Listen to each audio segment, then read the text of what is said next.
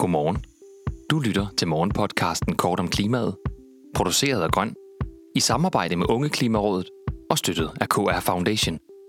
Din vært i dag er Jakob Fredsbøger Christensen. Godmorgen.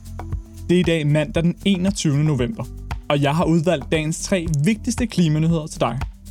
Vi skal en sidste gang til Sharm el-Sheikh, hvor COP27 i weekenden blev afsluttet.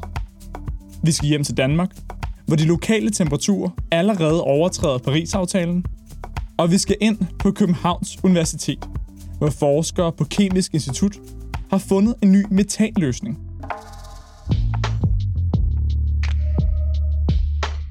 Ingen journalister virker til at vide, hvordan de skal beskrive udkommet fra COP27 i Ægypten. Det endte med en aftale, men en aftale, der ikke anerkender, at verdens udledninger af drivhusgasser skal pike i 2025, og aftalen nævner ikke engang, at fossile brændsler skal nedfases eller udfases over tid.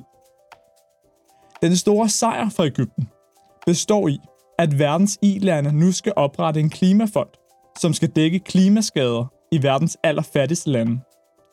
Og store ulande, som eksempelvis Kina og Saudi-Arabien, har mulighed for frivilligt at bidrage til Klimafonden også.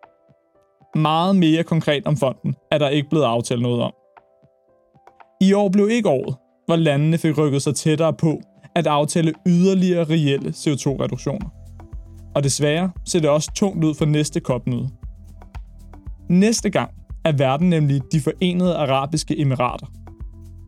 Oliestaten skal stå for de praktiske rammer og agere drivkraft for at nå en aftale, men i år sendte landet næsten lige så mange olie- og gaslobbyister, som Norge og Sverige til sammen sendte normale klimadiplomater.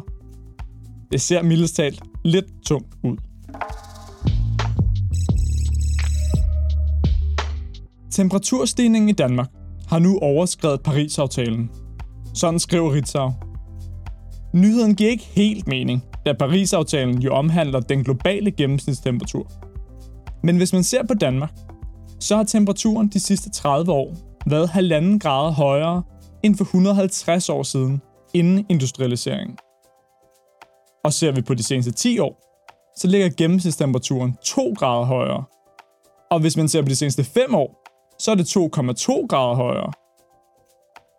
Ser man på hele kloden, så ligger temperaturen stadig kun omkring 1,2 grader højere end før industrialiseringen.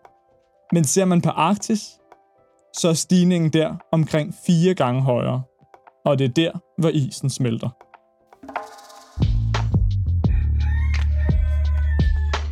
Hvis ikke det her skal blive en meget sort morgen, så er vi nødt til at have dagens solstrålehistorie. Det er forskere på Kemisk Institut på Københavns Universitet heldigvis leveringsdygtige i. Det skriver Klimamonitor.